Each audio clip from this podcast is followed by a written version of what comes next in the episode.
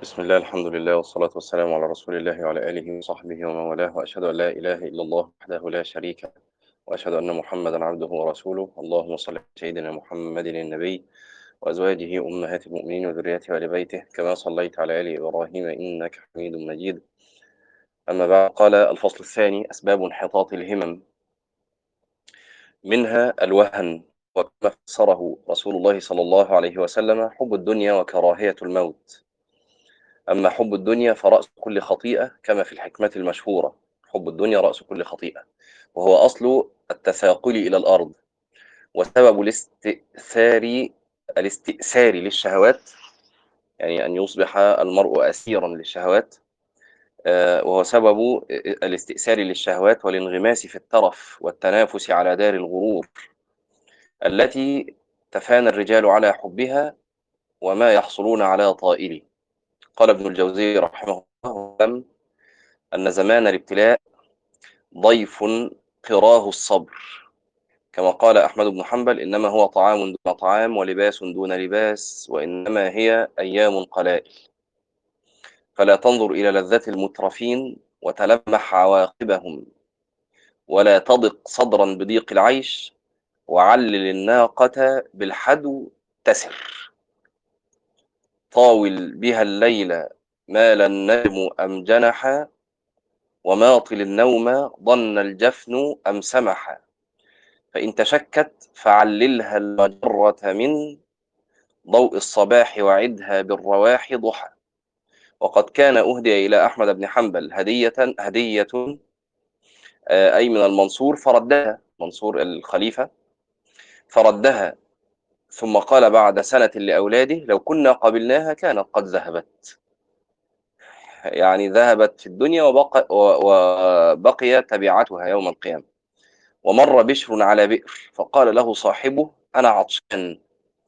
فقال البئر الأخرى يعني اصبر نشرب البير الثانية بشر بشر الحافي طبعا من أئمة الزهاد. فمر عليها فقال له الأخرى ثم قال كذا تقطع الدنيا. شوفوا يا جماعة يعني إزاي تقطع الدنيا؟ تقول لي يعني, يعني لو فاتتنا دي هنلحق اللي بعديها. تيجي اللي بعدها تقول يعني مش مهم نصبر شوية لو فاتتنا دي هنلحق اللي بعدها بتعمل إيه في نفسك؟ آه، ب ب ب بتسايس نفسك. ده معنى كلام بشر. كده تقطع الدنيا. تقعد تمنيها باللي جاي باللي جاي لغاية ما تموت. وخلاص الدنيا تقطع هكذا وإلى أن تقابل الرب سبحانه وتعالى. ودخلوا على بشر الحافي وليس في داره حصير فقيل له ألا بذا تؤذي, تؤذي أو تؤذى؟ فقال هذا أمر ينقضي. يعني بيقولوا كده يا إما هتأذي نفسك يا إما تأذي غيرك من ممن يعني تعول أو كده. هذا أمر ينقضي يعني يعني لما تأذي شوية في الدنيا. الشاهد يا جماعة إن هم كانوا آه، كانوا زهادا في هذه الدنيا فعلت همتهم نحو الآخرة. فلما صرنا نحن آه، أسراء لهذه الدنيا انحطت الهمم. وأما كراهية الموت فثمرة حب الدنيا والحرص على متاعها مع تخريب الآخرة. فيكره أي الإنسان أن ينتقل من العمران إلى الخراب. قال التغرائي مبينا أثر حب السلامة في الانحطاط بالهمة. حب السلامة يثني عزم صاحبه عن المعالي ويغري المرء بالكسل. اللي عاوز يقضي الدنيا كلها على السلامة على والمقصود هنا بالسلامة يا جماعة يعني مش مش سلامة الدين لأ. إن تبقى دايما الدنيا على أكمل وجه عنده. دايما عاوز آه، كل حاجة مية في المية في الدنيا. ويتضايق لو الدنيا اختلت شوية أو نزلت شوية عن المعتاد. الحياة اللي هو متعودها أو الحياة اللي هو يتمناها وكان يرجوها. تلاقوه يبتدي يتوتر يبتدي يسخط يبتدي هذا يعني من هذه حاله بلا شك آه، طلبه للدنيا على الوجه. على الوجه الأكمل وعلى السلامة فيها آه، هذا يؤثر على همته نحو الآخرة بلا شك وقلوبنا أضعف أنها تتحمل هذا وذاك أنها تتحمل هم الآخرة وهم الدنيا قلوبنا أضعف من ده وما فيش قلب يتحمل الاثنين مع بعض فاعرف أنك على قد ما أنت شايل من هم الدنيا هتكون مقصر في هم الآخرة والعكس. كل ما زاد همك بالآخرة تلاقي هم الدنيا خف في قلبك. تلاقيها بقى إيه يعني تنقضي زي ما تنقضي مش مش فارقة. يعني شوفوا عمر يقول إيه الغنى والفقر مطيتين لا ابالي أيهما ركبت. غني فقير الدنيا مدياني الدنيا لطشة معايا. لا أبالي أيهما ركبت. ركبت. هما مطيتين. غني هشكر. فقير هصبر. وهي كلها إيه؟ يعني أيام قلائل كما قال أحمد. طعام دون طعام ولباس دون لباس وإنما هي أيام قلائل. إن حب الدنيا وكراهية الموت صنوان لا يفترقان. يعني الاثنين مع بعض دايما. تحب الدنيا تكره الموت. ليه يا جماعة؟ آه كما قال أظن الحسن أو آه لما سئل. ما بالنا؟ نحب الدنيا ونكره الموت. قال لأنكم عمرتم الدنيا. أظن يعني الأثر لحسن الحسن رضي الله عنه أو غيره يعني. قال لأنكم عمرتم الدنيا وخربتم الآخرة.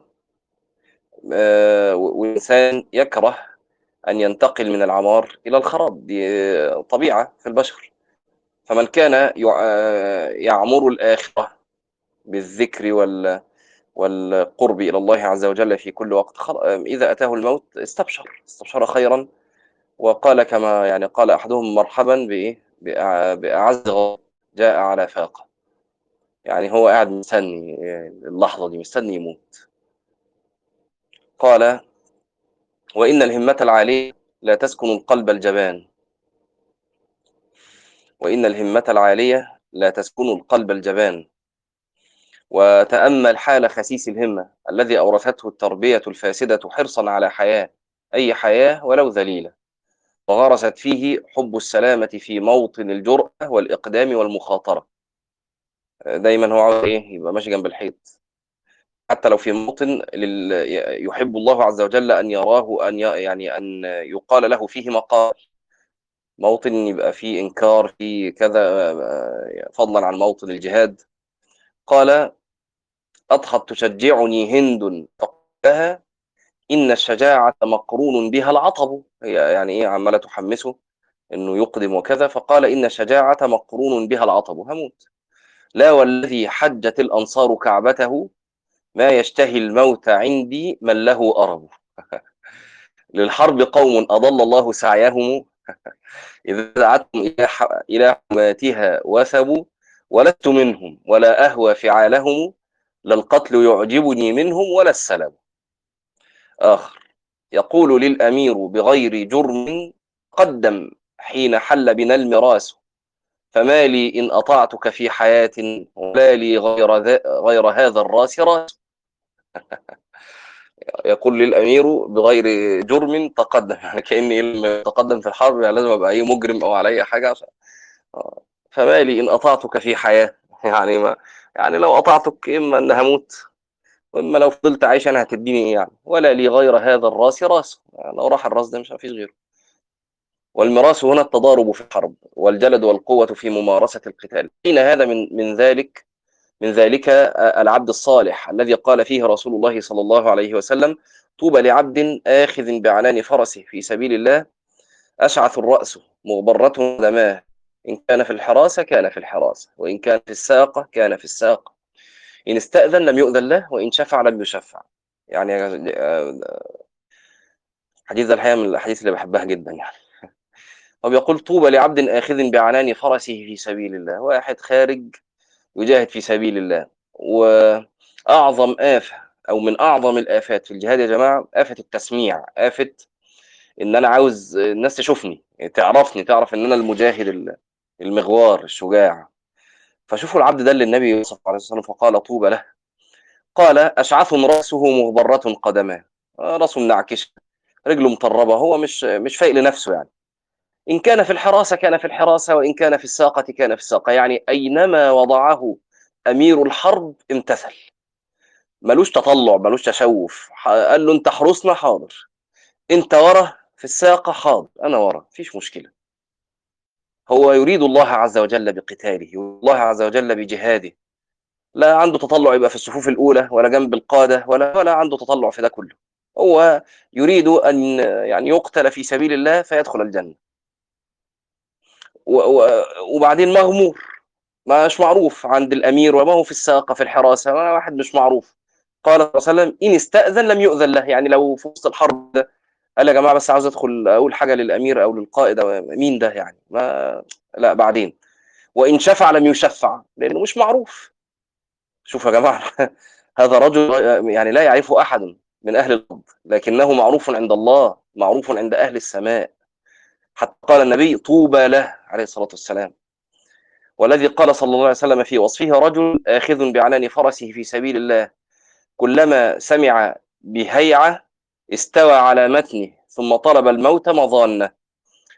آه واحد الفرس جاهز بره. كلما سمع بهيعة أول ما يسمع صوت حرب أو صوت جلبة أو كده على طول فوق متن الفرس على على ظهر الفرس. ثم طلب الموت. مش مش رايح يقعد في الحتت اللي ما فيهاش مظن الموت لا. ده هو بيتقدم عاوز يموت. هؤلاء يعني علت همتهم في نحو الآخرة ورأوا الدنيا على حقيقة. مش هقول إن هم احتقروا الدنيا لأ هم رأوها على حقيقتها يا جماعة.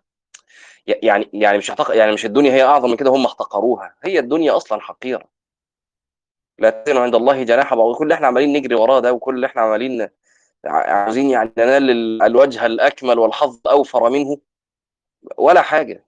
يعني انت حظك الأوفر من الدنيا ده قد إيه من جناح بعوضة؟ ومنها الفتور من أسباب دنو الهمم وسفولها. الفتور فعن عبد الله بن عمر رضي الله عنهما عن النبي صلى الله عليه وسلم قال إن لكل عمل شرة ولكل شرة فترة. فمن كانت فترته إلى سنتي فقد اهتدى ومن كانت إلى غير ذلك فقد هلك. لكل عمل شرة ولكل شرة فترة. كنا شرحنا ده بقى في فيديو كبير يمكن ساعة ولا حاجة. إن إن هي الحياة كده يا جماعة كل حاجة ليها شرة وفترة زي اللي خد بقى اسم الرسم البياني تلاقوه ما هواش خط مستقيم لأ عامل كيرفات كده طالع ونازل. فتلاقي إيه بيك فوق وبيك تحت اللي هي القمة والقاع. الشرة دي القمة يعني أنت تلاقي نفسك عندك همة عالية إنك تقرأ قرآن وتلاقي بتجيب بدل الجزء اثنين وثلاثة وأربعة. أنت في القمة دلوقتي. وبعدين شوية الدنيا تهدى تهدى تهدى لغاية ما توصل إنك ممكن تفوت يوم من غير قراءة قرآن انت في القاع. دي الفترة. وهكذا. قال صلى الله عليه وسلم فمن كانت فترته إلى سنتي فقد اهتدى ومن كانت إلى غير ذلك فقد هلك. وعن أم المؤمنين عائشة رضي الله عنها أن رسول الله صلى الله عليه وسلم قال يا أيها الناس خذوا من الأعمال ما تطيقون. فإن الله لا يمل حتى تمل وإن أحب الأعمال إلى الله ما دام وإن قل. كل إلى شأو العلا حركات ولكن ولكن عزيز في الرجال ثباته يعني كل الناس بتتحرك نحو المعالي لكن مين اللي بيثبت في هذا التحرك؟ قليل. ولكن عزيز في الرجال ثباته فمن ثم قال صلى الله عليه وسلم لعبد الله بن عمرو رضي الله عنهما عنهما لا تكن مثل فلان. كان يقوم الليل فترك قيام الليل. آه ودي قاعدة اللي هو أحب الاعمال إلى الله أدومها وإن قل. دي قاعدة من قواعد السير إلى الله عز وجل. ومنها فكان من يبقى تاني سبب يا جماعة من الأسباب اللي بتخلي همتنا تنزل الفتور طب إيه علاج الفتور ده إنك تعرف يعني أنا مش عاوز أدخل طبعا مش عاوز أطلع بره مقصود الدرس اللي هو قراءة سردية لكن مش عاوز أدخل برضه في علاج الفتور لكن اعرف يعني احترم هذه الطبيعة البشرية. عشان لما تبقى في, الفترة ما تيأس ما تقولش أنا مش نافع أنا مش فالح. اعرف إنها طبيعة بشرية. ده النبي اللي بيقول كده عليه الصلاة والسلام إن لكل عمل شرة ولكل شرة فترة. خلاص؟ وقال صلى الله عليه وسلم قال صلى الله عليه وسلم ليصلي أحدكم نشاطه. فترى فليرقد. واضح يا جماعة؟ فاعرف إن طبيعة طبيعة بشرية ولازم هتمر بيها. فترات فترات الفترات يعني فترات الأولى من الفترة يعني الوقت يعني. فترات الفترات دي موجودة فينا كلنا في كل البشر. هي طبيعة لكن ما تطولش فيها. ما تخليش بقى القاع زي ما قلنا الكيرف كده اللي هو طالع ونازل ده ما تخليش القاع يطول بيك. اطلع بسرعة. ومنها إهدار الوقت الثمين في الزيارات والسمر وفضول المباحات. قال صلى الله عليه وسلم نعمتان مغبون فيهما كثير من الناس الصحة والفراغ. والوقت أنفس ما عنيت بحفظه وأراه أسهل ما عليك يضيع. ولا حول ولا قوة إلا بالله. قال الفضيل بن عياض أعرف من يعد كلامه من الجمعة إلى الجمعة. لعله هو. كان كثير من السلف يعملوا كده. يقول لك إيه أعرف رجلا كذا ويطلع هو في الآخر. أعرف من يعد كلامه من الجمعة إلى الجمعة. يعني إيه مركز في كل حرف في الأسبوع علشان هيحاسب. ودخلوا على رجل من السلف فقالوا لعلنا شغلناك. قال أصدقكم كنت أقرأ فتركت القراءة لأجلكم. يقولوا لا ناس دخلت عليه. عارفين زي المجاملات دي يقول لك يعني أتمنى ما كنتش عطلتك. قال له يعني أجاملك ولا أصدقك؟ كنت أقرأ فتركت القراءة لأجلكم. وجاء عابد إلى السري السقطي إمام من أئمة الصوفية العباد الزهاد فرأى عنده جماعة فقال صرت مناخ البطالين. ثم مضى ولم يجلس. لعلها مناخ بقى. آه، يعني بينيخ عنده يعني. جاء عابد إلى السري السقطي. أصلا الإمام السري ده إمام كبير من أئمة الصوفية. فرأى عنده جماعة لا ناس عنده. فكأن دي مش أحوال الأئمة بقى اللي إيه اللي عاوزين. لا الناس تفر الناس دي كانت تفر بنفسها. ما نقعدش ما, ما فيش بقى عادات سمر وعادات آه، ولعل الإمام يعني السري ما هوش كان يعني القعدة ما كانتش طويلة ولا حاجة أو فيها مصلحة شرعية. لكن على كل حال فقال صرت مناخ البطالين. آه، يعني الناس بقى البطالة بتقعد عندك وتقعد تتسامروا مضى ولم يجلس. يعني المجلس ده ما فيش نفع فيه بالنسبة لهذا العابد. وقعد جماعة عند معروف الكرخي برضه معروف من أئمة الصوفية الكبار. فأطالوا. فقال إن ملك الشمس لا يفتر عن سوقها فمتى تريدون القيام؟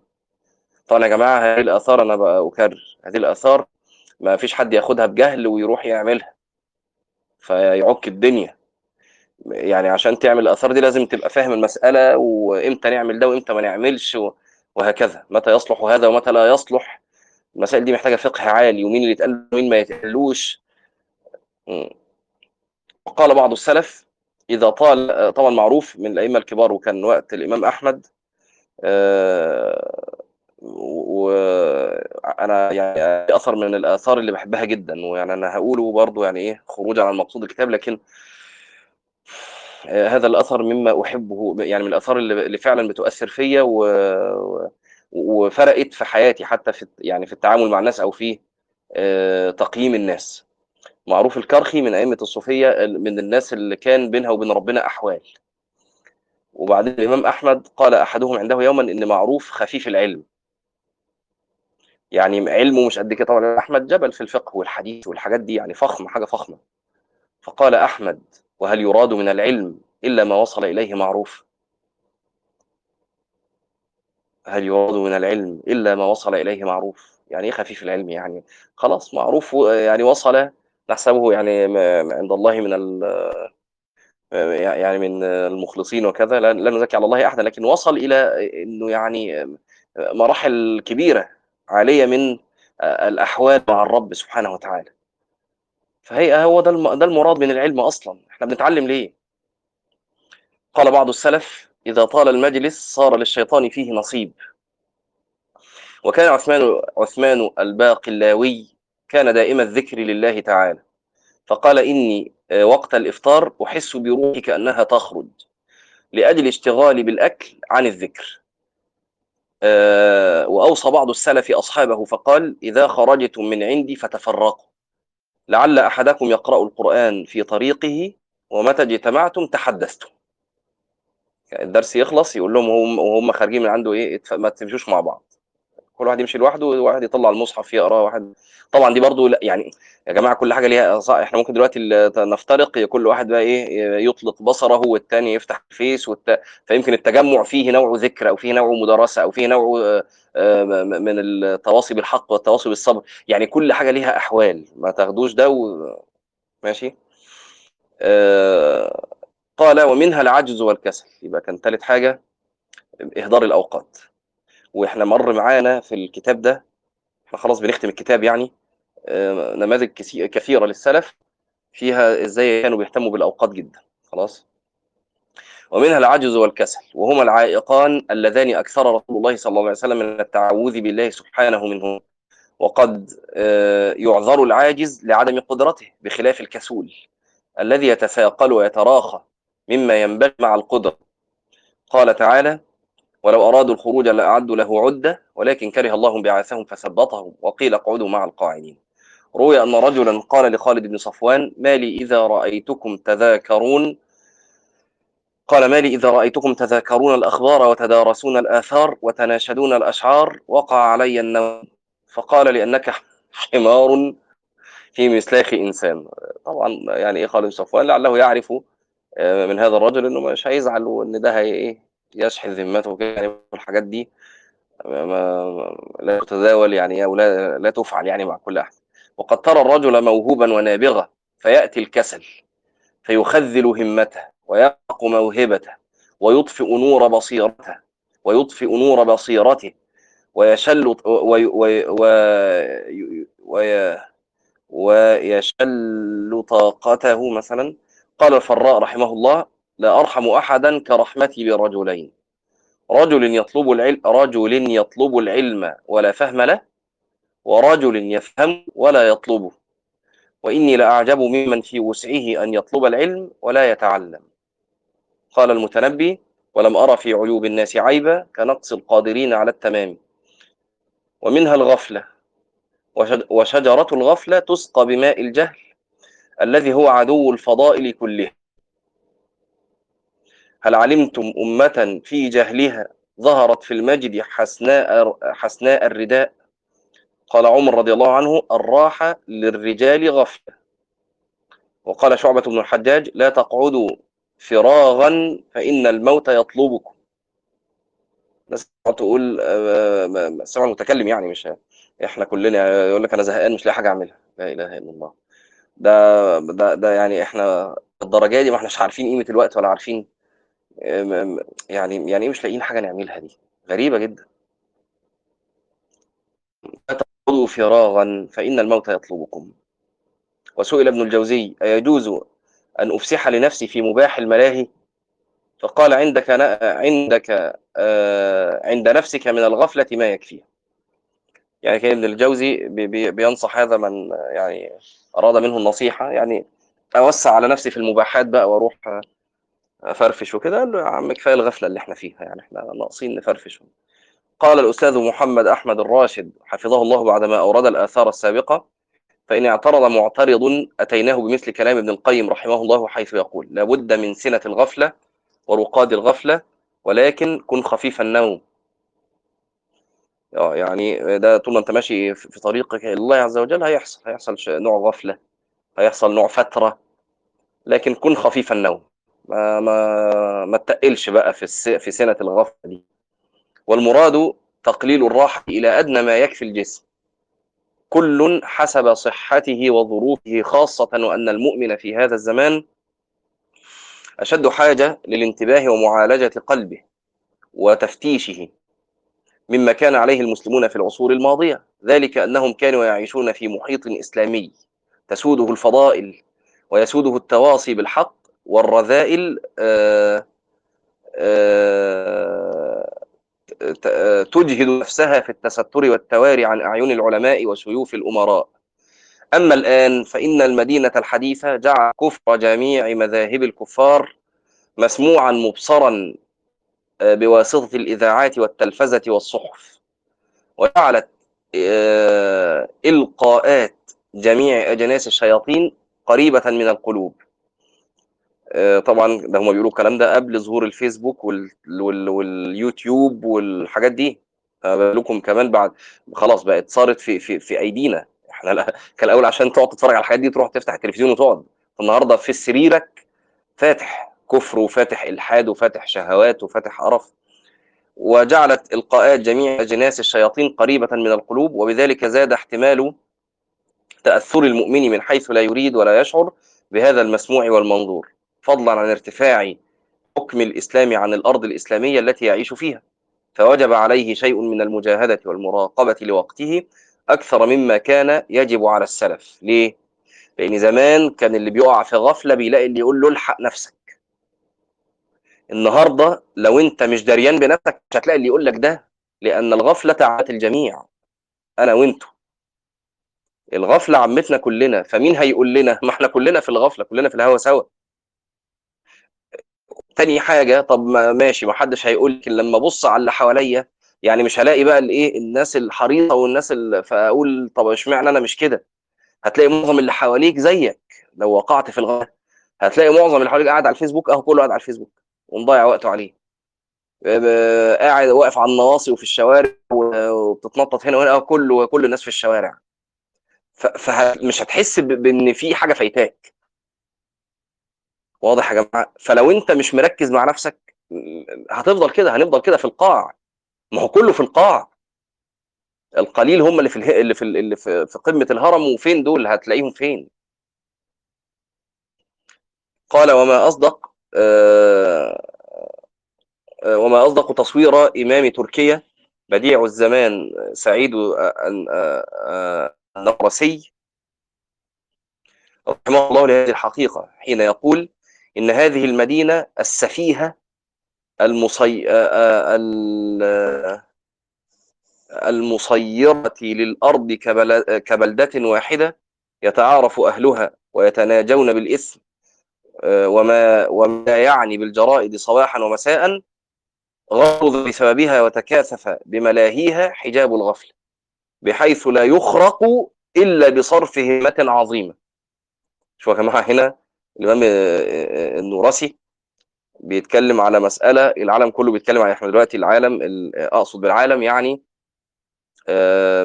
ال business بتوع ال business بيتكلموا عن ثلاث كلمات كبار ال business في العالم كله قائم عليها دلوقتي. واحدة منها اللي هي بالعربي العولمة. بال English يعني بيسموها إيه؟ globalization إن الدنيا بقت إيه؟ زي قرية صغيرة وبيتمد هنا هو بياخدنا لحتة ثانية إن صحيح الدنيا بقت قرية صغيرة أو مدينة صغيرة أو كده إنما ده خلى إيه بقى؟ إن كل حاجة في الدنيا يعني اللي بيحصل هنا بينتقل في ثواني لأبعد بلاد الدنيا والعكس. وتلاقي بقى ابتدت أعراف الناس تبقى شبه بعض.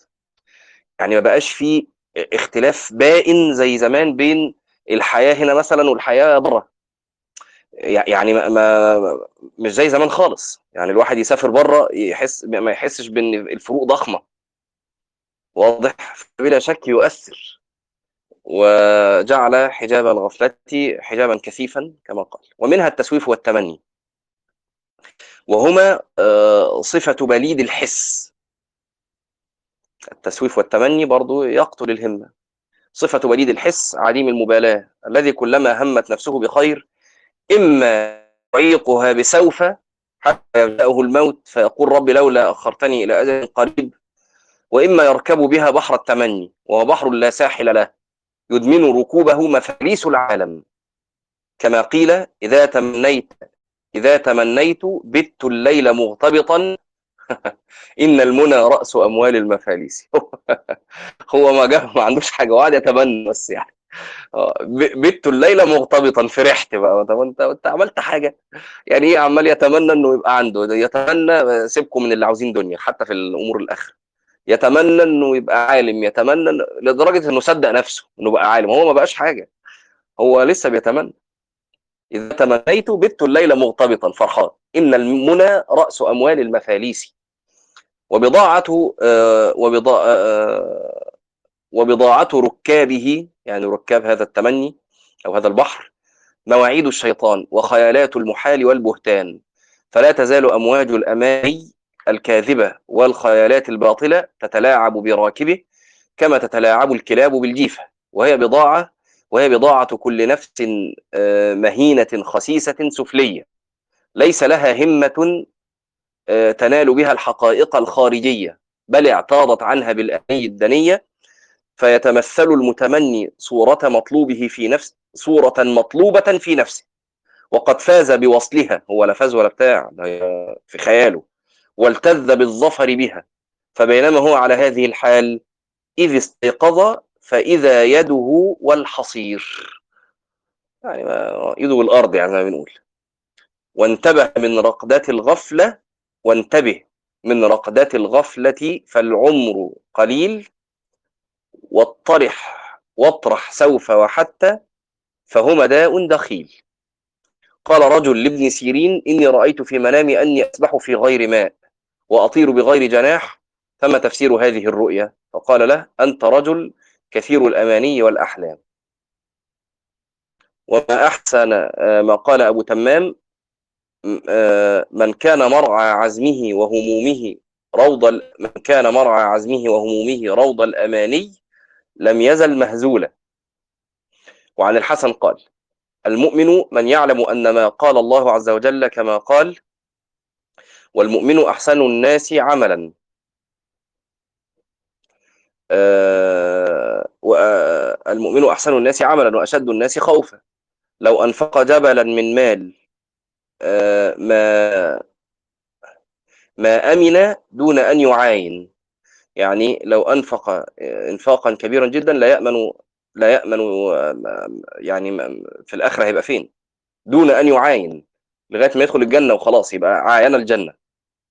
لا يزداد صلاحا وبرا وعبادة إلا ازداد فرقا. كل ما زاد صلاح وبر يزداد خوفه برضه. يقول لا أنجو لا أنجو. والمنافق يقول سواد الناس كثير وسيغفر لي ولا بأس علي. كلامنا دلوقتي. يسيء العمل ويتمنى على الله تعالى.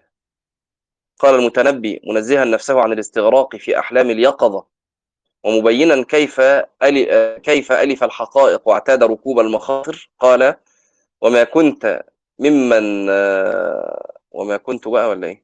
لو بيتكلم عن نفسه يعني. وما كنت ممن أدرك الملك بالمنى ولكن بأيام أشبنا النواصية آه، لبست لها كدر كدر العجاج كأنما آه، ترى غير صاف أن ترى الجو صافيا. آه، قال ومنها ملاحظة سافل الهمة من طلاب الدنيا. دي خطيرة جدا يا جماعة. إن إحنا نبتدي نبص لمن سفلت همة يعني إيه سفلت همتهم؟ مش يعني قاعدين بيشحتوا لا. ده ممكن يبقى سافل الهمة ده عنده اصول وطيارات وعربيات لكن سافل الهمة يعني إيه سافل الهمة يعني همته الدنيا. ما هو ده سافل الهمة هو سافل الهمة ده اللي هو الشحات؟ لا. سافل الهمة ده اللي هو يعلمون ظاهرا من الحياة الدنيا. دول ربنا قال عنهم إيه؟ لا يعلمون. ربنا اللي قال كده. مع إنهم يعلمون أهو. يعلمون ظاهرا من الحياة الدنيا. قبلها قال إيه؟ لا يعلمون. لا يعلمون يعلمون. فهو ده سافل الهم اللي هو الدنيا هي همته. الذي كل وعشان كده قلنا في كتاب المهجريات لو تفتكروا إلغي متابعة صفح هؤلاء. سواء بقى ناس فسقة ولا غير فسقة حتى يعني واحد مغني ولا واحد ممثل كل همه على الفيسبوك ولا الانست... طبعا الإنستجرام ده أنا ما كنتش أعرف أصلا إيه الإنستجرام ده وفوجئت إن في حاجة اسمها كده وحاجة بهدلة. طرف يعني فده تشيله أصلا ولا ليه مع ولا شيله برضه الفيسبوك شيل الحاجات دي. لكن لا عندك إلغي متابعة دول. لأن دول كل ما تتابعهم والنهاردة صحي مش عارف في القصر والنهاردة راكب الطيارة بكره في العربية و... قلبك هيوجعك. متابعة هؤلاء تخلي همتك زيهم همتك الدنيا. ومنها ملاحظة سافل الهمات من طلاب الدنيا الذي كلما هممت بالنهوض جذبك إليها. ممكن ما يبقاش عارفك. هو بيجذبك بالمنشورات بتاعته دي ولا بالصور اللي بيحطها؟ أو هي بتجذبك بال... بال... بالحاجات اللي بتعرضها. مش لازم تكون عارفاك لكن كل ما أو عارفه أو عارفك لكن كل ما تخش عنده أو تخش عندها الدنيا تاخدك. قال آه الذي كلما هممت بالنهوض جذبك إليها وغرك قائلا أمامك ليل طويل فارقد عن أبي موسى الأشعري رضي الله عنه قال قال رسول الله صلى الله عليه وسلم إنما مثل الجليس الصالح والجليس السوء كحامل المسك ونافخ الكير. فحامل المسك إما أن يحذيك وإما أن تبتاع منه وإما أن تجد منه ريحا طيبة.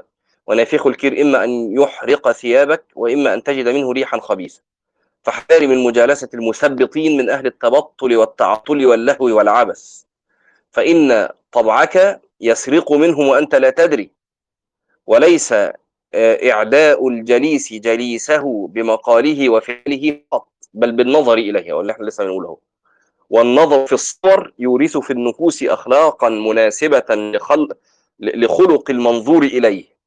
ومن المشاهد أن الماء والهواء يفسدان بمجاورة الجيفة يبقى الماء نظيف والهواء نظيف تيجي جيفة تلوث الاثنين بمجرد إن هم جاوروا الإيه؟